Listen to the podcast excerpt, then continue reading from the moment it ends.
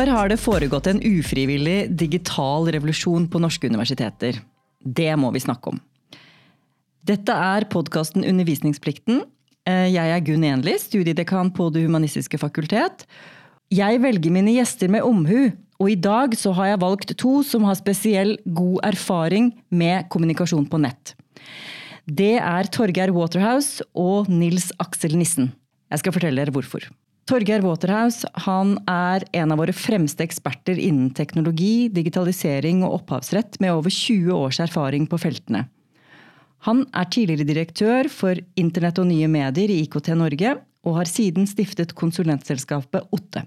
Og han har også vært med å starte bevegelsen Lær kidsa koding, som skal inspirere barn til å bli skapere på internett, og ikke bare passive brukere. Stemte denne introduksjonen bra, Torgeir? Veldig bra. Og Nils Aksel Nissen, som jeg har valgt fordi han er over gjennomsnittet engasjert i digital undervisning. Han er professor i amerikansk litteratur og har over 29 års erfaring som universitetsleder ved UiO. Nils har utgitt en rekke bøker og også mottatt Kongens gullmedalje, faktisk, for sitt fremragende vitenskapelige arbeid. Han er også innovativ. Eh, I 2003 så startet han emnet homotextuality. Det ble da det første emnet i homofil og lesbisk litteratur som ble innført ved noe norsk universitet. Altså historisk. Velkommen hit. Ehm, nå er det sånn at eh, jeg lurer litt på de eh, mobilvanene deres, først og fremst. Er dere liksom slaver av mobilen? Hvordan bruker dere mobiltelefonen i hverdagen? Er det sånn at det er full av avbrytelser for dere? Eller er det en kilde til glede og inspirasjon? Begynner med deg, eh, Torgeir. Det er vel alt det, og mer. Um, samtidig så er det sånn at uh, mobiltelefonen og for så vidt lignende devices, er jo en, en, type vei inn, eller en front-end, mot veldig mye forskjellig. Sånn at uh, Hvis jeg ser på den statistikken på mobilen hvor mye jeg har brukt den i løpet av et døgn, så kan det fort bli mange timer. Men uh, samtidig så er det ofte istedenfor laptopen eller det er istedenfor uh, ja, hva som helst annet. Noen ganger bruker jeg den faktisk også som telefon. Um, så eh, det er vel mer det at det er det viktigste arbeidsverktøyet jeg har. Eller det som gir meg tilgang til arbeidsverktøyene jeg har. Så uten den så får jeg ikke gjort jobben min. Jeg får ikke hatt kontakt med venner, familie. Får ikke funnet ut hvor jeg skal, når jeg skal. F.eks. hvor jeg skulle i dag når jeg skulle komme hit. Mm. Ja, vi navigerer i livene våre gjennom mobiltelefonen. Hvordan er det med deg, eh, Nils? Ja, jeg bruker den nok sikkert ikke fullt så mye som Torgeir, tenker jeg. Jeg uh, merker vel at jeg bruker den mer i forhold til laptopene tidligere, men jeg er ikke så veldig avansert på det. Jeg er veldig god på tekstmeldinger, da. Det er min foretrukne kommunikasjonsform, faktisk. Jeg snakker nesten aldri i mobilen. Og jeg tar heller ikke mobil. Så jeg er litt spesielt sånn. Ja, For å snakke litt om det problematiske ved mobiltelefonen. Er det noen av dere som har opplevd noe sånn eh, problem med konsentrasjon og at dere må skjerpe dere for å ikke ta til, fram mobilen hele tiden. Ja, jeg satt og tenkte nå at det er jo egentlig ingen av de tjenestene jeg bruker som i seg selv er forstyrrende for meg. Det er heller det at det er folk i de som er det. Eh, jeg kan bruke Facebook for eksempel, aktivt i jobb, mens hvis jeg kan åpne Facebook-appen, så har noen posta noe totalt meningsløst eller provoserende, eller hva det måtte være, som så kanskje kan være forstyrrende. Eh, og eh, når det er sagt, så er det jo jeg synes jo det er en veldig interessant type problemstilling. For vi er i en fase nå hvor alle er veldig opptatt av akkurat dette. altså Er det støy, er det forstyrrelser, er vi trukket for mye dit? For, min del så ser jeg bare en veldig tydelig pendel der vi har vært en fase hvor alle har sagt at dette er så bra, vi får så mye muligheter, så nå skal alle være opptatt av at det ikke fungerer. Det er så fælt og grusomt. og uh, Folk snakker om at de må gå mer i skogen enn å bruke mobiltelefonen sin. og uh, det, Folk står i kø for å skrive ofte ganske dårlige bøker og kronikker om hvor fælt det er med all skjermtiden. Um, så, og så har denne siste dokumentaren kommet, uh, The Social Dilemma, som jo er, har noen gode poeng, men hvor det er så mye bom. Så f.eks. veldig interessant at de snakker mye om eh, alle disse fæle algoritmene på alle disse fæle plattformene. Og så snakker de ingenting om at filmen er publisert på Netflix, som er basert på samme type algoritmer av folk som jobber på samme måten osv. Så, videre. så sånn jeg tenker at Vi må komme oss mer inn i hvilke tjenester det er vi bruker på hvilke måter, mer enn om det er en forstyrrelse eller ikke. Ja, paradoksene står jo i kø her, ikke sant. Fordi at alle vil jo konkurrere om de samme brukerne. Og hvorfor jeg snakker om dette nå, er jo fordi at våre studenter er jo i kanskje den mest attraktive målgruppen til Netflix og mange av de sosiale mediene. Og de blir da bombardert med teknikker for å få de eh, hooked, da. Eller for å få de mer og mer eh, interessert i deres produkt. Og hvordan skal vi få de interessert i våre studier? Ehm, hva tenker du Nils, er det noen farbar vei at vi skal kopiere f.eks. Eh, Netflix eller, eh, eller, andre aktører i dette markedet? Jeg har ikke vært så veldig bekymret over det foreløpig. Jeg venter på en måte å se eksamensresultatene jeg, før jeg bekymrer meg for mye over de metodene jeg har brukt. Så jeg har vel fortsatt ganske stor tro på at vi skal eh, det som har vært mest spennende for meg i denne digitale revolusjonen vi er inne i, da, er nettopp å prøve å se hva disse nye mediene kan brukes til for meg. Eh, altså Hvis du har et utgangspunkt at dette uansett blir en dårlig kopi av det du helst skulle gjort i seminarrommet eller i editoriet tvers over plassen her, så er du på en måte dømt til å mislykkes. Så da, da, jeg gikk i gang med dette her, da, som vi alle gjorde 12. mars, så var det mitt utgangspunkt at dette skulle være et krasjkurs, et eh, voksenopplæringskurs, et videreutdanningskurs i digital universitetspedagogikk, mitt personlige kurs. Og så satte jeg meg ned og prøvde å være kreativ. Det var ikke akkurat et svar på ditt spørsmål, men jeg tenkte jeg kunne si det innledningsvis, da, for det har vært mitt utgangspunkt for alt jeg har gjort. Og så var jeg veldig spent på da, om mine spesifikke styrker som universitetslærer, som jeg har utviklet gjennom alle disse årene, om de lot seg overføre f.eks. til Zoom. Fordi jeg, mitt utgangspunkt der var mye svakere på en måte enn eh, når det gjaldt den digitale læringsplattformen vår Canvas, som jeg var ganske langt fremme på. Så den fordelen hadde jeg, at jeg hadde liksom disse 75 Canvas-modulene de var jo klare, så der var det ikke så mye mer som skulle gjøres. Men så skulle jeg Vi underviser jo ikke i Canvas. Canvas tilrettelegger for undervisning. Vi legger ut læremidlene der, vi organiserer undervisningen der, men det skjer jo ikke undervisning der. Og jeg skjønte jo etter hvert at undervisning ville nå bli nærmest ensbetydende med Zoom. For jeg hadde en liten sånn naiv tanke i utgangspunktet om at jeg skulle undervise mye asynkront. Jeg skulle ha diskusjonsforum, jeg skulle ha spørsmål og svar, og jeg prøvde det ut den første uken, og så gikk det et lys opp for meg, Nils. altså Undervisning det kommer til å bli Zoom, og du må hive deg på. Og da hadde jo ikke jeg engang brukt Skype.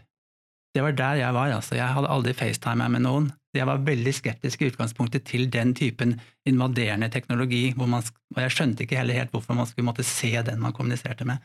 Og da var det jeg begynte å spørre meg selv hva kan jeg gjøre med Zoom som litteraturforsker og litteraturlærer som kan være spennende, og som, som jeg ikke har kunnet gjøre før, kanskje? Er det noe som mangler i undervisningen min? Um, så, så, så, det har vært veldig produktivt. Jeg synes det er interessant at du, at du sier, kaller det invaderende, for det er der mye av debatten har gått. og jeg har jo fulgt med og deltar i mye diskusjoner i eh, de hvem vet hvor mange Facebook-gruppene som poppa opp med masse masse lærere i, på forskjellige nivå av, i utdanningssektoren. Og, og, det er en av de tingene som går igjen, at det er invaderende å bli sett. Og jeg syns det er veldig interessant med tanke på at uh, man snakker om det som en erstatning for å stå i samme rom og bli sett på fra alle mulige kanter. Uh, og bli hørt og være sammen til stede på en helt annen måte enn via en skjerm. Eh, og jeg kan godt forstå at hvis man ikke er obs på at kameraet er der, så kan man oppfatte det som invaderende. Men når du sitter og ser på en skjerm, gjerne med et lite bilde av deg selv i det ene hjørnet, og så opplever det som invaderende, det syns jeg er veldig interessant. Og veldig rart, samtidig som jeg har stor forståelse for det. Men jeg opplever, jeg opplever ikke det nå som jeg bruker det. Så det var en sånn holdning jeg hadde ja. uten egentlig direkte erfaring med det. Skjønner du? Så det blir jo noe helt annet. Men uh, det er interessant å høre at andre føler det, da, at de ikke liker den der jo, men Du forteller jo om en reise, ja. altså en personlig reise hvor du var skeptisk, og hvor du bare omfavnet mulighetene. Mm. Og jeg synes Det er veldig interessant å høre på deg, og på den entusiasmen du nå har fått. Da. Eh, men til det som Torgeir nevner med invaderende, så kommer jeg til å tenke på studentene våre. Veldig mange av de velger jo ikke ha på kamera når du underviser i Zoom. Jeg vet ikke om du har opplevd det, men jeg har opplevd det. Og veldig mange andre undervisere sier at de syns det er vanskelig at studentene ikke har på kamera, fordi da ser du ikke eh, om det er noen som hører på deg. Og tross alt så er et ansikt eh, ganske viktig når man kommuniserer. Det er det store dilemmaet, og jeg har jo mye høyere terskel for avslåtte kameraer i en forelesning med 180 studenter hvor jeg ikke kan se de fire sidene med Zoom-firkanter over hodet, og kanskje bruker shared screen veldig mye. Sånn at øh, da får de nesten gjøre som de vil. Um, men i seminarsituasjonen har du et kamera, så skal det være på. altså Det skal jo være en gjensidighet der, um, føler jeg. Så jeg har ikke egentlig opplevd at det har vært noe problem i en litt mindre forsamling. Det er noen som ikke har kamera, faktisk, og det må man jo bare akseptere. Det klarer jeg ikke forstå at ikke noen har kamera. Nei, det kan du si. For de har ja. mobiltelefoner og de Ja, har ikke tabletter. og de har alt så. og jeg tenker at Dette er noe av det som vi kommer til å ha mye diskusjoner om fremover. og Det er mye fokus på personvern, det er snakk om frivillighet. Det er, det er mange spørsmål rundt det som vi må løse.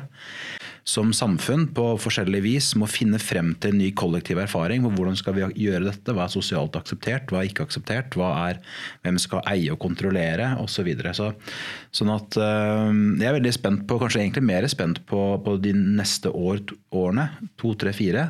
Også med tanke på at vi kommer tilbake til en såkalt normalsituasjon. Så hva skjer da, og hvordan blir hybridløsningene av dette? Og hvordan kommer vi til å begynne med at noen er med på video, selv om man, de fleste er i et rom her? da? Jeg er veldig spent på det òg. Jeg er ganske sikker på at det blir ikke business as usual. Og det bør det jo heller ikke være, men samtidig så må det jo være en grad av frivillighet til dette her, når man har en reell valgsituasjon, mener jeg, mellom digitalt og klasseromsundervisning. Jeg, igjen så har jeg en erfaring i forhold til å være foreleser, for det har vært en veldig viktig del av min identitet eh, siden jeg startet. Det er noe jeg føler at jeg fikser bra. Når jeg står nede der i auditoriet med en Sofus Bugge, så er jeg lykkelig fullstendig. Og har veldig enkelt eh, konsept, ingen powerpoint, det er bare stemme og meg og tilstedeværelsen og øyekontakten og intensiteten, ikke sant. Så mm, jeg skjønte jo ganske fort at det ville ikke funke på samme måten i Zoom. Jeg kunne ikke drive med to ganger 45 minutter i Zoom, bare snakking. Så da ditcha jeg hele forelesningene mine og la dem ut som podkast isteden. Eh, Hadde dem heldigvis to fullstendige sett i opptak på mobilen min, eh, som for øvrig har vært det mest populære jeg noensinne har gjort eh, i hele min undervisningskarriere, var noe så enkelt som å legge ut de opptakene. Og dette var før pandemien. Det var en utrolig vellykket ting å gjøre. Så det hadde jeg dem, og så hadde jeg plutselig frigjort da 20 timer som jeg kunne gjøre hva jeg ville med, i Zoom, som skulle være tilpasset Zoom. Og da begynte jeg, dette er jo mest interessant for litteraturvitere, da, men da begynte jeg å gjøre noe som egentlig er selve kjernen i vår virksomhet, som vi aldri har tid til normalt sett i undervisningen, og det er det vi kaller nærlesing. Da tar du et kort utdrag av en tekst, og så går du inn ord for ord, setning for setning, mens vi sitter og ser på teksten sammen. Vi er bokstavelig talt on the same page, ikke sant? Og jeg kan sitte med markøren og utheve, jeg kan lage margkommentarer, og lager til slutt en fullstendig PDF, som jeg så selvfølgelig legger ut etter forelesningen. Og så kan de stille spørsmål, og det funker kjempefint, altså. Det, så det er egentlig det mest utrolige som har skjedd. Og det er det jeg har tenkt å fortsette med, faktisk, uansett hva som skjer. Og Det er jo veldig viktig, eh, og samtidig utfordrende fordi at du utfordrer modellen som alle er vant til. Det å være student er å gå inn i rommet, sitte og ta imot, kanskje forhåpentligvis være litt aktiv osv. Men det å, å, å nettopp snu rundt på det, og, det, og i realiteten gjøre flipped classroom, som vi har snakket om i mange år, som veldig få egentlig har gjort, er jo en måte å bruke teknologien på, og som igjen er en måte å bruke tiden vår på. Og, sørge for at vi bruker den tiden sammen, vi har sammen til det, det som er mest verdifullt, og vi er avhengig av å være sammen. Og det er egentlig ganske meningsløst at 200 mennesker eller 100 mennesker skal sitte i en sal og høre på den samme stemmen si det samme på nytt og på nytt og på nytt, når det kan gjøres så enkelt sånn som du beskriver nå. Og det ville være like meningsløst om jeg skulle prøve å gjøre det med min laptop i auditoriet, mens de også satt med sine laptoper. skjønner du? Det ville ikke gi noe ekstra det å sitte i samme rom og gjøre den øvelsen. Det er, en, det er helt klassisk noe som man skal gjøre i Zoom. Så da kommer jeg til å fortsette å gjøre det i Zoom.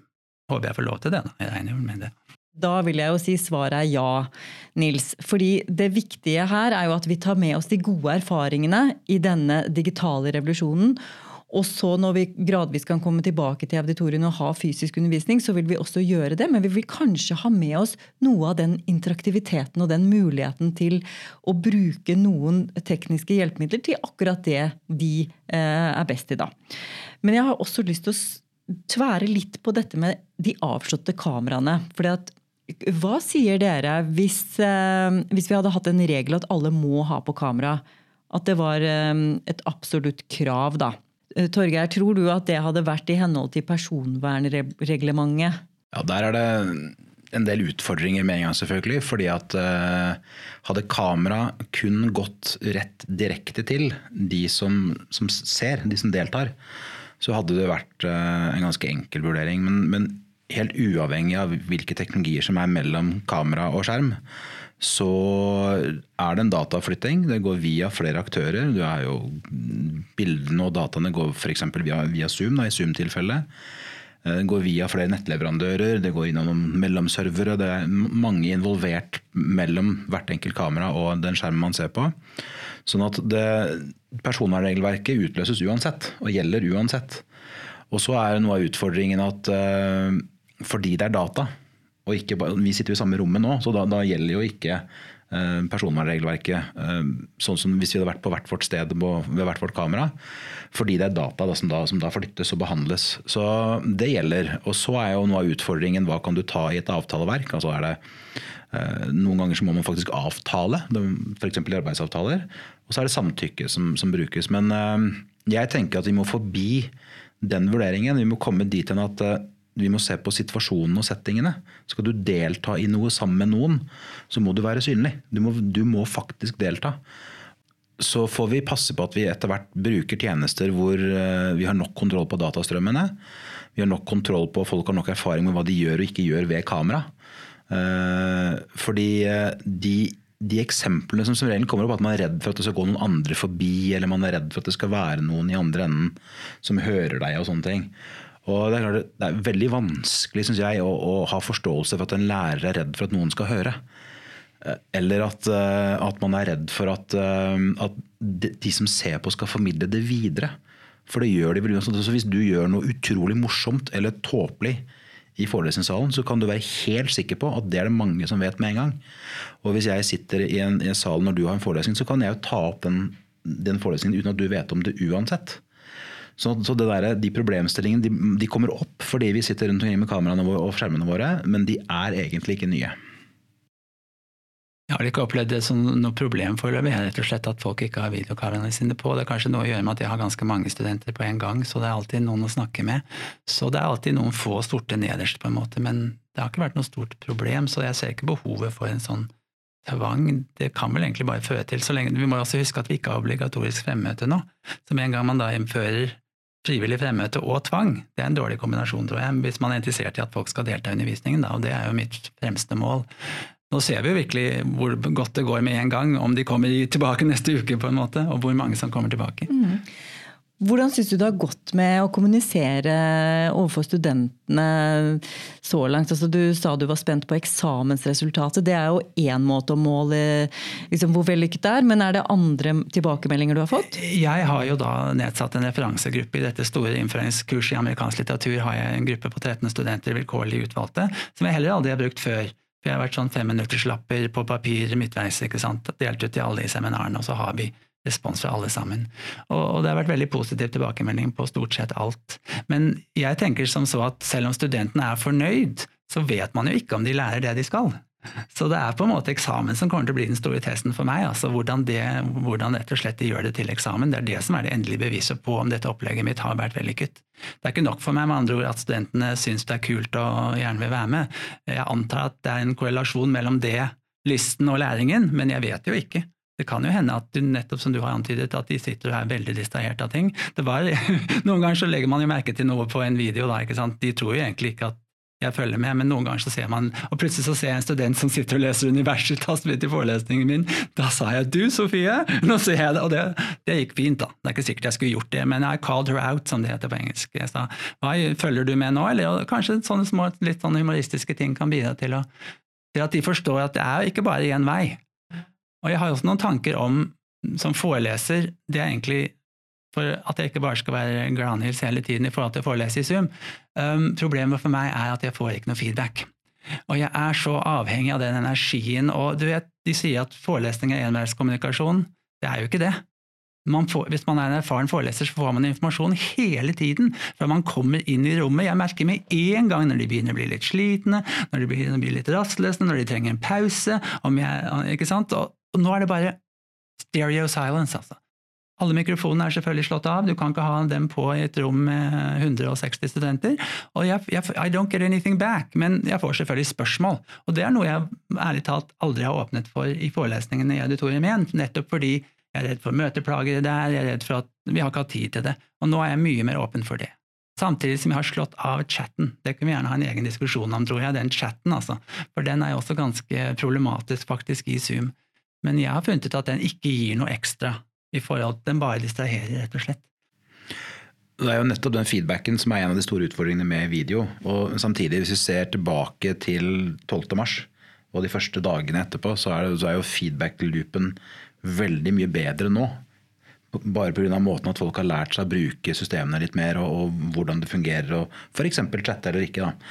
Eh, jeg tenker jo helt motsatt at eh, er det noe man skal ha på, så er det jo chat. Og så får man jobbe med hvordan man bruker det, sånn at det blir en verdiøkning for alle involverte. Um, og bare det å kunne f.eks. dele linker uh, mens man sitter og jobber sammen det å kunne gi kjappe kommentarer, oppklare spørsmål Jeg må presisere at jeg har det på i seminarene. Da. Dette, den, det, dette, er forelesningsbiten av undervisningen min, som jo i utgangspunktet Da vil de høre på hva jeg sier. Det er det som er målet. på en måte, at Det er, det er, liksom, det er ikke fullstendig enveis, men det er hovedsakelig meg.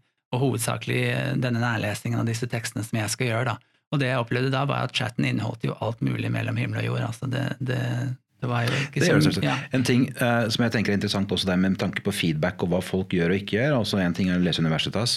Jeg holder også mye foredrag og er i mye panel. og det er, det er jo, Jeg syns det er veldig gøy å, å, observere hvordan noen ting er akseptabelt. Eller sosialt akseptert. Mens andre ting ikke er det. Og det er jo vanvittig fascinerende at Hvis du holder mobilen opp i en forelesningssal eller en konferansesal, så tolkes det som at du gjør noe du ikke skal. Men det kan jo godt være du tar notater, f.eks. Men så strikke det er, det er, lov overalt av en eller annen grunn, men som er utrolig forstyrrende for alle andre, egentlig. Så nå har vi sagt det. det nå er det slutt på Vi skal ha sånn strikkefiltersol. Klar melding ut. Ja. ja, at det er like forstyrrende å høre på strikkepinner som at noen ser på mobilen. Ja, ja. Du vet ikke hva de gjør på mobilen, men du vet at den som strikker, gjør noe annet enn å følge med. Ja, eller at de leser Universitas. Det var en papiravis formoder jeg, som du kunne se. Eh, og det er jo et eksempel på avbrytelser, men som er analoge. Altså strikking og papiravislesing. Eh, men jeg vil tilbake til det du var inne på med chat. fordi det har jo noen utfordringer, det at folk skriver liksom alt mulig rart der. Og Torgeir sier de burde brukes. For er det noe du trenger, så er det chatten. Eh, jeg skjønner din reservasjon mot å bruke det, eh, men jeg har diskutert dette med noen andre kollegaer, og de sier at vi burde la studentene ha chatten, fordi det er deres egen kanal nå.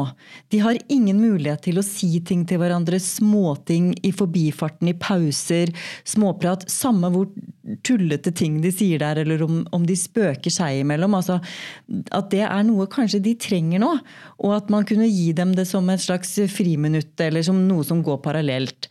Um, så det, det, har jeg bare hørt som et interessant innspill. Men da kan jeg rapportere noen funn fra referansegruppen min. da. Det var ingen av de 13 som mente chatten skulle være på. Um, og da kan man jo si at kanskje de føler at det er det svaret jeg vil ha, eller at det er det som er det seriøse svaret å gi. Det kan være. Det er jeg åpen for, og jeg er også åpen for ditt argument. Men når studentene selv er så tydelige på at det oppleves som veldig distraherende, og det gjør det faktisk for meg også, for da ser jeg det lille tallet som øker og øker og øker. ikke sant? Jeg klarer jo ikke ikke konse på det. Og da blir det enda en ting som på en måte avsporer fra det jeg egentlig skal gjøre. da. Så. Ja, jeg har ikke noe preferanse for hva man skal eller ikke skal, men det er interessant å, en interessant diskusjon å løfte fram. Da, for jeg tror Absolutt. dette er noe som, ja, den som har fordeler og ulemper, og det kommer an på hvor mange studenter man har og hva slags diskusjoner man har. Og det gir jo læreren en viss informasjon om hva studentene får med seg, hva de reagerer på osv.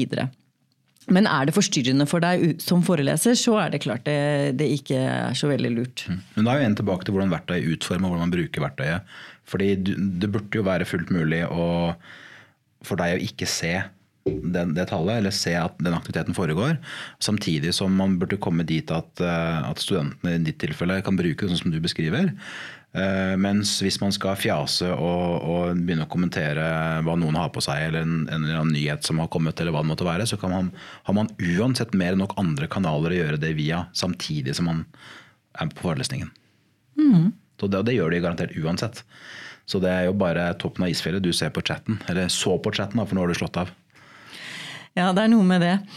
Men eh, jeg nevnte innledningsvis at du, var med å starte den bevegelsen Lær kidsa koding, eh, Torgeir. Og ehm, det med å lære barn å kode, og, og, hvordan kan vi tenke om å få å lære av de unge da, i, i denne kommunikasjonen som vi gjør som forelesere. F.eks. For det å bruke av følelsessymboler, ikke sant? Eh, emoticons og sånn. Er det noe vi burde bruke mer i vår eh, kommunikasjon med studentene, eller hva, bør vi holde oss til vår seriøse tone? akademiske tone og stil, selv om vi er på det digitale? Jeg tenker at man skal holde seg til en kommunikasjonsform som passer en selv. Og eh, det er veldig kort vei til at uh, hvis man nå sa at ok, nå skal alle foreleserne på, på universitetet begynne å bruke emojis. Uh, det kan veldig fort bli som å være 14 år og så ha venner på besøk, og så kommer mamma og pappa og skal snakke om sex. Det er uh, Litt kleint. ja. så, sånn at jeg tror det um, som du har gjort, da, du har beskrevet, du har funnet din egen måte å bruke verktøyene og kanalene og tjenestene på. og Det er det man må gjøre. Så jeg tenker kanskje heller at Utfordringen er at man må få, eh, få flest mulig til å slippe det de er vant til å gjøre. Eh, bli trygge på de tjenestene og kanalene man bruker, og finne ut av hvordan man gjør dette.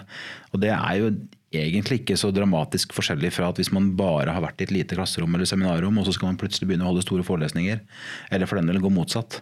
Det er en helt annen form, en helt annen stil og en annen kommunikasjons- og interaksjonsform. Og man trenger å lære det. Og, og det er jo kanskje det som har vært oppsiden med at det var en pandemi, og at ingen hadde noe valg. Eh, for hvis du ser på det som du beskriver, hvordan du jobber, du ville ikke vært der nå hadde du ikke blitt tvunget inn i det. Og, eh, og, det har selvfølgelig både positive og negative sider, men, men det å eh, få jobba med hvordan skal jeg være når jeg bruker dette. Det er, og det må være individuelt, sånn som det er med så mye annet. Ja, og det må være autentisk og noe som står i samsvar med den vi ellers er, og hva vi skal undervise i. Eh, så du Nils har jo erfaring med at du har vært veldig veldig nerdete egentlig i din bruk av teknologi ved at dere gjør nærlesinger. Så det er ikke noe sånn at du prøver å være kul eller eh, tilpasse deg de unge. Eller tenker du at, eh, at du burde gjøre det mer? Nei, jeg tenker at det er viktig for dem at jeg viser dem den aktiviteten de selv skal utføre, på en måte som jeg aldri har hatt mulighet til før. Så da må jeg på en måte Jeg er jo en ganske uformell person i utgangspunktet, da, så jeg tror ikke jeg trenger å dumb down, eller hva man skal kalle det, i noen særlig grad. Um, så jeg føler at, uh, som du sier, jeg, jeg, er meg selv. Det har egentlig alltid vært min styrke at jeg, jeg er personlig uten å være privat. Jeg er til stede, jeg er ganske åpen og ærlig om ting, og jeg bruker meg sjøl, og, og, det fortsetter jeg med. på en måte. Det, og, og så, så um, ja, jeg er jo selvfølgelig ikke så ung som jeg var. Da jeg startet å undervise her, så var jeg bare 24, og da så jeg ut som en nyfødt barnerumpe. Så da var det veldig vanskelig å, få autoritet, og da måtte jeg på en måte holde veldig mye avstand til studentene. Og jeg merker at jeg sitter igjen den dag i dag, altså at jeg liksom øh, på en måte føler at jeg må være, prøve å være professoren, da. Ja, og det med aldersavstand til studentene, det kjenner jeg igjen. Jeg begynte å undervise ganske ung selv, og da brukte jeg dressjakke, briller og høye hæler for å markere liksom, avstand da, eller få autoritet. Nå er det jo ikke så mye problem, men uh, det, altså, det, hjelper også å være eldre enn studentene, rett og slett. Men når det gjelder det å konkurrere om oppmerksomheten til studentene, vi har jo snakket litt om det om sosiale medier er avbrytelser eller ikke. Og Torgeir, du sa at pendelen svinger fra det ene ytterpunktet, hvor vi omfavner dette som veldig positivt, til det andre ytterpunktet, hvor alt er fælt og gærent. ikke sant? Ehm, og sannheten er vel et sted midt imellom. Men at vi som utdanningsinstitusjon har en utfordring ved at oppvoksende studenter eller oppvoksende generasjon da, er så vant til å få feedback, kommunisere, være på mobilen. Det må jo gjøre noe med deres måte å være studenter på. Og jeg lurer på, må de gjøre noe med vår måte å undervise på òg? Ja, det, det, må de jo. Eh, ikke nødvendigvis fordi man skal konkurrere direkte eller forsøke å bli Snap eller Netflix eller for en del Tinder. Eh, men man må, eh, på samme måten som det å få trykte bøker gjorde noe med, med kommunikasjon rundt kunnskap og, og erfaringer, så, så, gjør også den teknologien vi har i dag noe med det. Men, eh, men, men, poenget må jo være å se på hva er det kan, hvordan kan dette bidra til å styrke det samfunnsoppdraget som universitetet har. Ikke hvordan kan man bli lik en eller annen tjeneste fra et eller annet sted i verden. Og jeg synes nettopp Dette nærlesingseksempelet er en, en veld, et veldig, veldig godt eksempel på hvordan man kan bruke teknologien til å bli enda bedre på det man driver med, få mer ut av det man driver med. Og, eh, og så må man samtidig ta på alvor da, at uansett hvorfor, hvis det er riktig at, at vi har kortere retention span enn vi hadde før, ok, da har vi det, da. Og Så får man bygge opp undervisningen rundt det. Uavhengig om det er pga. teknologi, eller pga. kostholdsendringer, eller klimaendringer eller ukedag. Har vi kortere attention span, så må vi forholde oss til det. Enten ved å øve den opp, eller å tilpasse det vi gjør til at vi er kortere. Det blir jo til syvende og sist prøving og feiling, og hvis man har holdt på en stund, så merker man veldig fort om ting er vellykket eller ikke. Men jeg tror at kjernen i det hele er et veldig solid faglig innhold. Egentlig alt jeg gjør nå er på et eller annet plan et eksperiment, så det er jo, og for meg da, som har holdt på i nesten 30 år med dette her, um, så er det jo kjempemorsomt å skjønne at jeg faktisk kan fornye meg selv nå It's never too late. ikke sant? Det, det har vært veldig, veldig gøy. Altså. Fantastisk. Bare avslutningsvis, hvor lenge tror dere denne pandemien varer på den måten at vi må fortsette å undervise digitalt? Jeg tror at eh, mye av det vi ser nå kommer til å vare ut, eh, godt ut i 2021. Og så håper jeg virkelig hardt og intenst at ikke det innebærer å slutte å undervise digitalt. Eh, vi må ha, det, ha med de forskjellige verdiene vi, og den, eh, de gode erfaringene vi har nå, og så ta med det videre. Og så gjøre det som passer best for det man skal. Jeg tror at med engelsk som fag og alle de enorme studentmassene vi har, så er ikke jeg tilbake i noe seminarrom her på Blindern før kanskje tidligst til høsten neste år. Og når det gjelder auditoriet, så har jeg en mistanke om at jeg kanskje aldri kommer tilbake. Oi! For da foreleser jeg i Zoom isteden. Ja, Fordi det er bedre. For det er bedre innovasjon av beste sort. Tusen takk for at du kom hit i dag, Nils Aksel Nissen. Det var en glede å snakke med deg om dine gode erfaringer og din innovative virksomhet. Takk i like måte. Veldig hyggelig å bli invitert. Og Torgeir Båterhaus, tusen takk for at du kom. Vi holder kontakten. Det er veldig gøy å ha deg som en del av fakultetsstyret vårt. Takk, og takk for at vi kom i dag. Neste uke er vi tilbake med nye spennende gjester i denne sesongen som handler om digital undervisning, og som er i samarbeid med forskningsprosjektet Digitox. Abonner på oss, så du ikke går glipp av nye episoder.